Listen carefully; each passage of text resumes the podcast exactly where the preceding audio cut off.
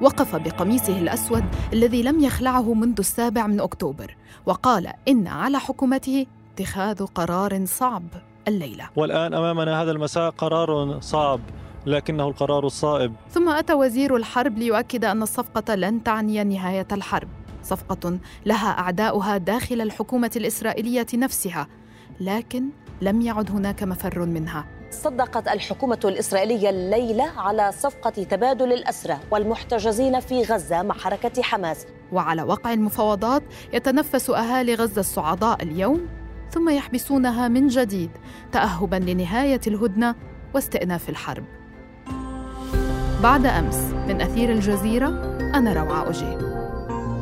أربعة أيام من الهدنة سيتم خلالها إدخال نحو 300 شاحنة من المساعدات الإنسانية. كما سيتم تبادل خمسين امرأة وطفلا من المحتجزين لدى كتائب القسام مقابل 150 من الأسرى الفلسطينيين من الأطفال والقاصرين والنساء. وبحسب بيان الخارجية القطرية ينص الاتفاق الذي تم التوصل إليه بين حماس وإسرائيل بوساطة قطرية مشتركة مع مصر والولايات المتحدة ينص على وقف إطلاق النار لمدة أربعة أيام قابلة للتمديد. عمليا نجحت المفاوضات في تحقيق ما طالب به أبو عبيدة المتحدث العسكري باسم كتائب القسام. وليس لهذا الملف من حل قطعا سوى هذا المسار والتبادل فئة بفئة أو كعملية شاملة. يبقى في جعبة القسام وغيرها من فصائل المقاومة مئتا محتجز على الأقل. فما مستقبل المفاوضات على من تبقى؟ وما تفاصيل الصفقة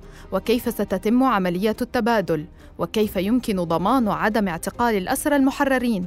والسؤال الأهم ماذا ينتظر أهل غزة بعد انتهاء أيام الهدنة الأربعة؟ دكتور باسم نعيم عضو المكتب السياسي في حركة حماس ورئيس الدائرة السياسية في غزة أهلا وسهلا بك. منذ بداية العدوان بقي ملف الأسرى والرهائن ملفا مبهما نوعا ما. الجميع يترقب الأخبار وآخر التحديثات لما قد يتم التوصل إليه ضمن الصفقة. فكيف جرت المفاوضات والتوصل إلى اتفاق؟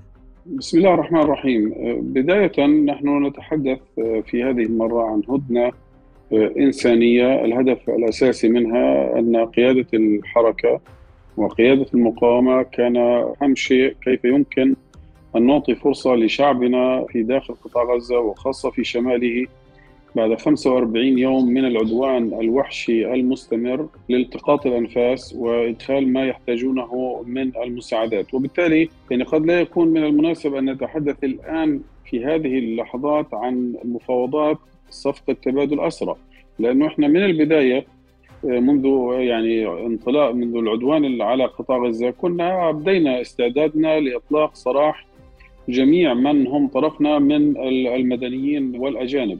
ومع تطور هذه المفاوضات التي كانت معقدة ومضنية وشاقة وصعبة واستمرت إلى أسابيع خرجنا بهذه النتيجة النهائية أن يكون هناك إطلاق سراح لعدد من الموجودين طرفنا من المدنيين والأجانب. والآن الحديث يدور عن 50 مقابل فتح المعابر وإدخال المساعدات ووقف إطلاق النار ووقف التعرض للمواطنين إضافة إلى طبعا إطلاق سراح عدد من الأسيرات والأطفال الفلسطينيين الموجودين في سجون الاحتلال بمعدل واحد إلى ثلاثة استمر نتنياهو بتبرير القصف على الفلسطينيين بحجة إطلاق سراح الأسرى رغم نشركم فيديو للرهائن يطالبونه بتحريرهم بيبي نتنياهو شالوم هكذا افتتحت كلامها مخاطبة رئيس حكومتها تعاتبه وتهاجمه لأنه لم ينجز شيئا لإطلاق سراحهم فكيف نفهم هذه المعادلة؟ وكم من الرهائن تسببت إسرائيل بمقتلهم بدلا من إطلاق سراحهم؟ إحنا بنعتقد انه نتنياهو وبعض أو جزء من قيادة حكومه الحرب منذ البداية كانوا غير معنيين بإطلاق سراح الرهائن وكان عندهم استعداد واضح لأن يقتلوا جميعا تحت القصف الصهيوني رغم ما أبديناه من مرونة كبيرة من أجل يعني إطلاق سراح الرهائن جميعا أو الذهاب إلى صفقة شاملة من أجل تبييض السجون الصهيونية من الأسرى الفلسطينيين. وهذا بالمناسبة ليس تحليلا بل هو جزء منه معلومات جاءت من بعض الوسطاء في بداية المفاوضات لما لما أبلغوه عن رغبة حماس في الدخول في تفاوض من أجل وقف إطلاق النار وإطلاق سراح المدنيين والأجانب أنه يعني أعطاهم انطباع بأنه غير معني بالرهائن حتى لو قتلوا جميعا. ولكن آه، أجبر على الوصول إلى هذه النتيجة اولا نتيجة فشله في تحقيق أي من الأهداف التي أعلنها بداية العدوان وهو القضاء على حركة حماس، تهجير الفلسطينيين وإطلاق سراح الأسرى أو الرهائن، ولا لا حتى هذه اللحظة لم ينجح في أي من الأهداف فلا زال الشعب الفلسطيني متشبث بأرضه، لا زالت المقاومة تقدم كل يوم ما هو جديد في الإفخان والإضرار بالعدو وبمقدراته البشرية والمادية، وأيضا لم يتمكن من استخلاص أي من الأسرى أو الرهائن بقدرته العسكرية أو بقدراته الاستخباراتية إلا بموافقة المقاومة كما حصل مع المرتين السابقتين اللي هو إطلاق سراح رهينتين ثم رهينتين، ثم طبعا جاء إضافة لذلك الضغط الهائل على المستوى الدولي بسبب حجم الجريمة التي يرتكبها بحق الناس في قطاع غزة. يضاف إلى ذلك الضغط الداخلي سواء من بعض أطراف المجلس الحرب أو من الجمهور الإسرائيلي، كل هذا مع بعض أجبره في النهاية على الرضوخ لشروط المقاومة والقبول بهذه التهدئة الإنسانية أو الجزئية. وإطلاق سراح بعض الرهائن وإحنا بنتوقع إن شاء الله إنه هذه يعني يمكن خطوة إيجابية يمكن أن يبنى عليها في المستقبل القريب. منذ السابع من أكتوبر أضاف نتنياهو إلى سجونه أكثر من ألفي معتقل يضافون إلى أكثر من خمسة ألاف أسير فلسطيني داخل سجون الاحتلال هناك الأسرى المؤبدات المرضى النساء والأطفال والشيوخ مقابل المحتجزين لدى الفصائل الفلسطينية كما ذكر أبو عبيدة. ولكننا نقدر مبدئيا أن عدد الأسرى ما بين 200 إلى 250 أسيرا أو يزيد عن ذلك دكتور باسم نعيم هل نحن فعليا مقبلون على تبييض السجون الإسرائيلية بمن تبقى يعني من المحتجزين لدى حماس؟ أول شيء هو بعتقد آخر تحديث للأرقام يمكن يكون العدد وصل ممن اعتقلهم بعد 7 أكتوبر آه، إلى 3000 وكثير منهم من وهذا يعني عادة يعني لا يحدث بهذه النسبة والتناسب كثير منهم من النساء والقصر آه، ويتعرضون لظروف آه، غير مسبوقة من الناحية الإنسانية من الإهانة وتعريتهم وشتمهم وإذلالهم وحرمانهم من أبسط الحقوق المتعلقة بحياتهم. إحنا بنتوقع يعني وإن شاء الله ربنا سبحانه وتعالى يكتب للمقاومة يعني آه، تحقيق هذا الإنجاز الكبير أن أحد أهم أهداف هذه المعركة هو تبييض السجون. هذا الأمر أصبح ممكنا ومتاحا في ظل أنه اليوم نتكلم عن حوالي 200 أسير آه من الأسرى العسكريين طرف المقاومة. ولذلك بعتقد أنه هذا ستكون ورقة قوية جدا في الضغط على العدو الصهيوني لتبييض كل السجون أو السجون طرفه. آه، قد لا تكون العملية سهلة وتحتاج إلى مفاوضات شاقة ولكنها بالتأكيد هدف آه، أحد أهم أهداف هذه المعركة وهو هدف ممكن قابل للتحقيق. عدا عن آمال الأسرى وأهاليهم بخروج أسراهم محررين، هناك مخاوف من أنه ما الذي يضمن أن الاحتلال لن يعيد اعتقال الأسرى؟ كيف تحصلون على ضمانات ضمن المفاوضات؟ هو طبعا العدو ليس له ضمانات الحقيقة يعني عشان نكون صادقين وإحنا شاهدنا ذلك في الصفقة الأولى صفقة جلعاد شليط عاد اعتقال آه، عدد كبير ممن تم الإفراج عنهم آه، وذهبوا إلى إلى بيوتهم في الضفة الغربية. آه، ولكن وبنعتقد انه العدو الصهيوني الذي يجبره على احترام تعهداته هو القوة والقوة فقط. وأنه يعلم أنه إذا اقترب من يعني أن يحنث بتعهداته أو وعوده أنه سيخسر كثيرا. لكن أيضا في هذه المرة من باب يعني التحوط كانت الاتفاقيات بما في هذه الاتفاقية اتفاقية التهدئة برعاية آه، قطرية مصرية أمريكية. يعني هذه الجهات جهات آه، ضامنة بأن العدو الصهيوني ألا يعيد اعتقال من يتم إطلاق سراحهم في آه، هذه الصفقه ذكرت في البداية أن الأهم من صفقة التبادل هو التهدئة. يعيش الغزيون منذ اليوم الأول على أمل أكبر من التهدئة على أمل وقف الحرب. الاتفاق يشمل هدنة إنسانية مؤقتة توقف القتل والرصاص عليهم وتسمح بدخول عدد أكبر من شاحنات المساعدات لكن بعد الاتفاق ما الذي ينتظر أهل غزة بعد انتهاء التبادل؟ بالتأكيد شعبنا ينتظر وقف العدوان وفتح الأبواب حتى نستطيع أو نتمكن من إغاثته بعد هذه الجريمة جريمة الإبادة التي يرتكب يرتكبها هذا العدو الصهيوني ولكن يعني لابد أيضا أن نقر بأنه هو جاء بأهداف كبيرة جدا وطموحات عالية جدا. تهجير السكان الفلسطينيين من قطاع غزة إلى شمال سيناء آه، القضاء على حركة حماس استخلاص الاسرى أو الرهائن ولكنه حتى هذه اللحظة فشل.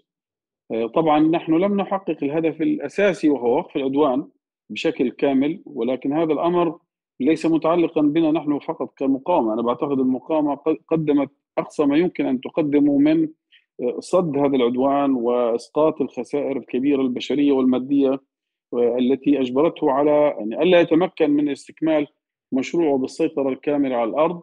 كذلك صمود شعبنا الأسطوري الذي يعني أفشل مشروعه في التهجير. ونحن بنعتقد بأنه استمرار اليوم في قصف المدارس في قصف المستشفيات في تعطيل المستشفيات واخراجها عن الخدمة في قصف الم...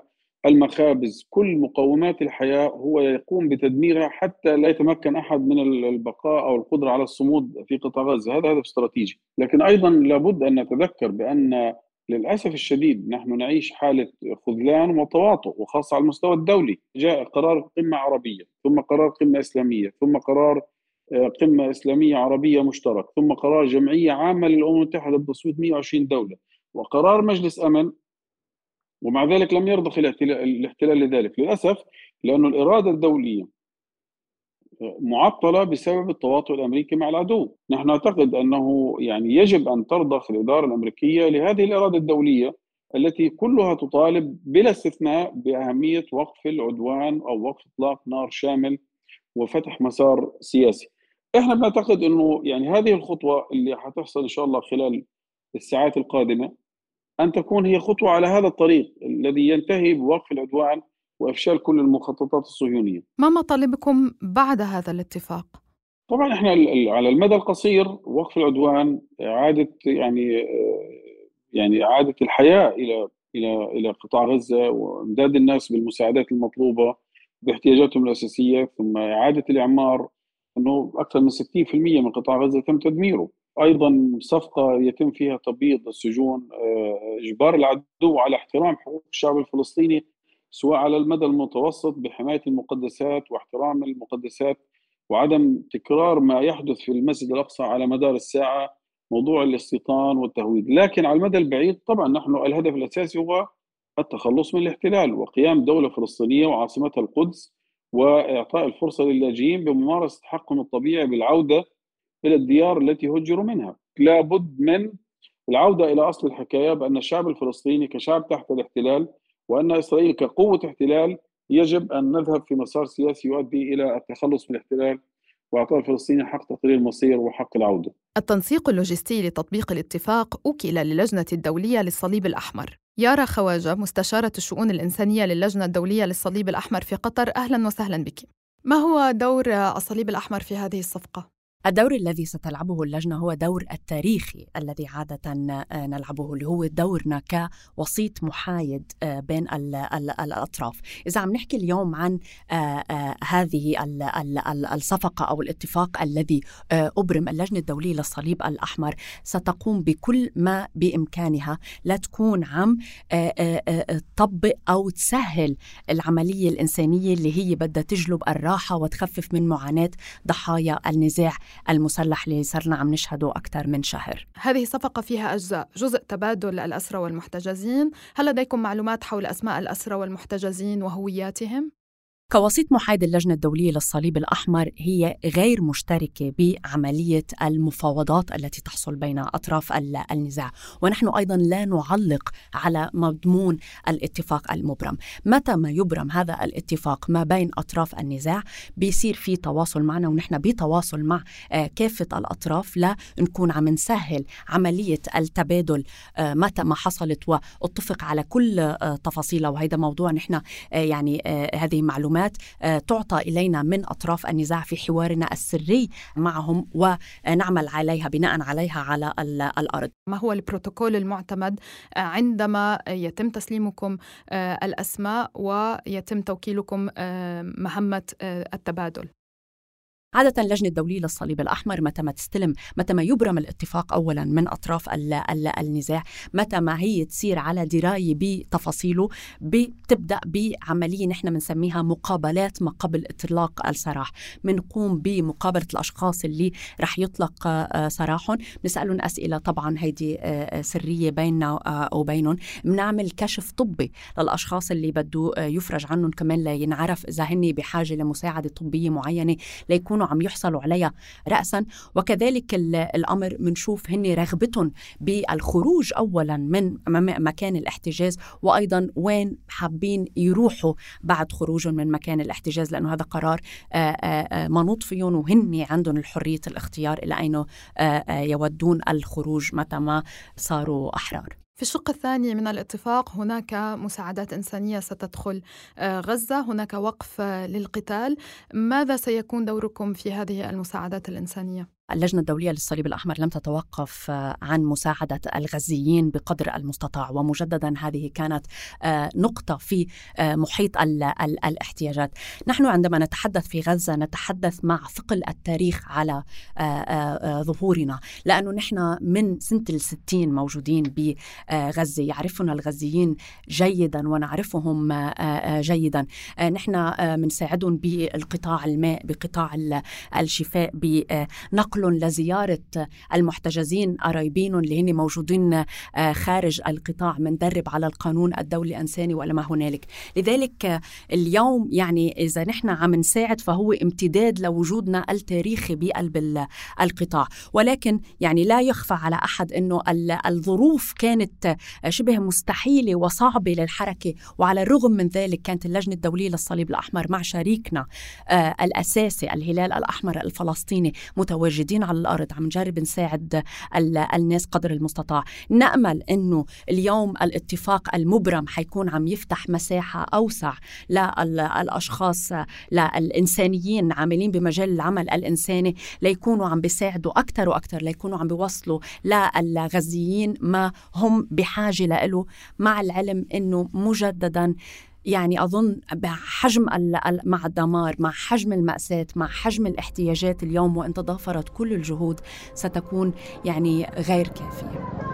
على الجانب الإسرائيلي يتنفس أهالي الأطفال والنساء المحتجزين الصعداء بينما يستمر الغضب في الشارع الإسرائيلي من جانب أهالي باقي الأسرى وكل من يعارض استراتيجية الحكومة. الأستاذ إيهاب الجبارين الباحث المتخصص في الشؤون الإسرائيلية أهلا وسهلا بك. ما هي العوامل التي دفعت حكومة نتنياهو من الانتقال آه، من الحرب لإعادة الأسرى إلى الصفقة لإعادة الأسرى؟ بطبيعة الحال هو كان يسوق بأن هذه الحرب هي حرب ضد الشيطان وهذه الحرب هي حرب يعني لإعادة المعايير للشارع الإسرائيلي ولن يرضخ ولن ولن ولن ولن ولكن نحن نرى الآن أنه تم تسويقه بالقسم الآخر بالشق الآخر إيه، الاتفاقية عفوا المقدسة. هكذا تم تسويق يعني هذه الصفقة. ذات الصفقة التي كان يشيطنها نتنياهو قبل أسبوع أو أسبوعين وأنه لن يرضخ لها الآن يسوقها وكأنها الاتفاقية المقدسة الأهم للوعي والشارع الإسرائيلي. وبالتالي هو يعني هو تلاعب بالكلمات تلاعب بالوعي الإسرائيلي وأظن أن هذا الأمر سهل جدا بأن يقام به في داخل الشارع الإسرائيلي لسبب واحد وبسيط. يعني كمية تدارك الأحداث السياسية وتوليها في داخل الشارع الإسرائيلي يمكن أن نراهن بأن ذاكرة الشارع الإسرائيلي قصيرة نوعا ما وبالتالي هذا ما يراهن عليه السياسيون في داخل إسرائيل ومن هذا المنطلق يتم التلاعب بالمسميات والأسماء وما إلى ذلك. بعيدا عن الشارع الإسرائيلي داخل الحكومة الإسرائيلية هناك أصوات وزراء مثل سموتريتش وبن كفير يصفان الصفقة بالخطيرة بل بالهزيمة ويعارضان الاتفاق بقوة خوفا من نتائجه ومآلاته السلبية بنظرهم. برأيك كم ستؤثر هذه الأصوات على صفقات محتملة قادمة لباقي المحتجزين خاصة أن بن كفير مثلا يصعد ضد الأسرى الفلسطينيين بشكل كبير داخل السجون الإسرائيلية للضغط على حماس وك كوسيله للانتقام من الفلسطينيين؟ هذه يعني تسمى فترة استغلال الفرص في الشارع الاسرائيلي لكي للقيام بالتعصبات وباظهار يعني مدى الفاشية والعنصرية. وهذه نقطة مهمة جدا. يعني ما يراهن عليه بين كفير وسموتريتش في غضون هذه الفترة بأن نتنياهو بات منعزلا أو في عزلة سياسية. وهم يراهنون على مدى قدرته على التجاوب والتحمل هذه العزلة السياسية، حتى في داخل الليكود كان هنالك تمردات على بنيامين نتنياهو، وهذا تحديدا ما يراهن عليه بن وسموتريتش بأن بنيامين نتنياهو الآن هو بحاجة إليهم أكثر مما مضى. هم كانوا يعلمون جيدا من دخولهم إلى هذه الحكومة أنهم في داخل شباك زمني قد يكون قصير، الآن هم يعلمون أن هذا الشباك الزمني بات أقصر ولذلك قدرتهم على الابتزاز باتت أكبر وأكثر. أنا باعتقادي نعم أنه إذا ممكن أن يراهن سموتريتش ويذهب إلى يعني الذهاب والمراهنة على الكنيست وإمكانية تفكيك هذه الحكومة بالذات أن معه أحد أهم الوزارات بمفهوم كهذا أو كآخر. فبالتالي واضح أن هنالك لعبة معقدة في داخل اليمين. نحن سمعنا كيف بدأ يتحدث بنيامين نتنياهو بمصطلحات صهيونية دينية بحتة يعني مصطلحات متدينة. وبالتالي هذه مغازلة مباشرة لهذا الجمهور جمهور اليمين المتدين المتشدد أي بكلمات أخرى نتنياهو الآن موجود في داخل هذا الملعب وهذا الملعب يتلاعب لنتنياهو على في مشهد فريد من نوعه إن صح؟ القول في السابع من أكتوبر وبعد هجوم المقاومة الفلسطينية على غلاف غزة وأسر ما يتعدى ال 250 أسيراً ورهينة لا يبدو نتنياهو مهتماً وفقاً للمعطيات بحياة الأسرى فهو يريد القضاء على حماس بالدرجة الأولى بغض النظر كيف ومتى ومن سيدفع الثمن؟ ويبقى السؤال هل سنشهد فعلا تبييضا لسجون الاحتلال قريبا في صفقة تاريخية نشهد فيها تحرير كامل لاسرى الفلسطينيين؟ أم أن هذه الحرب ستستأنف بدم أكثر وشروط أقل؟ بعد أمس من أثير الجزيرة تابعونا عبر كافة منصات البودكاست وأرسلوا لنا أسئلتكم ومقترحاتكم في التعليقات وعبر حسابات أثير على مواقع التواصل الاجتماعي. دمتم بخير ونلتقي بعد أمس.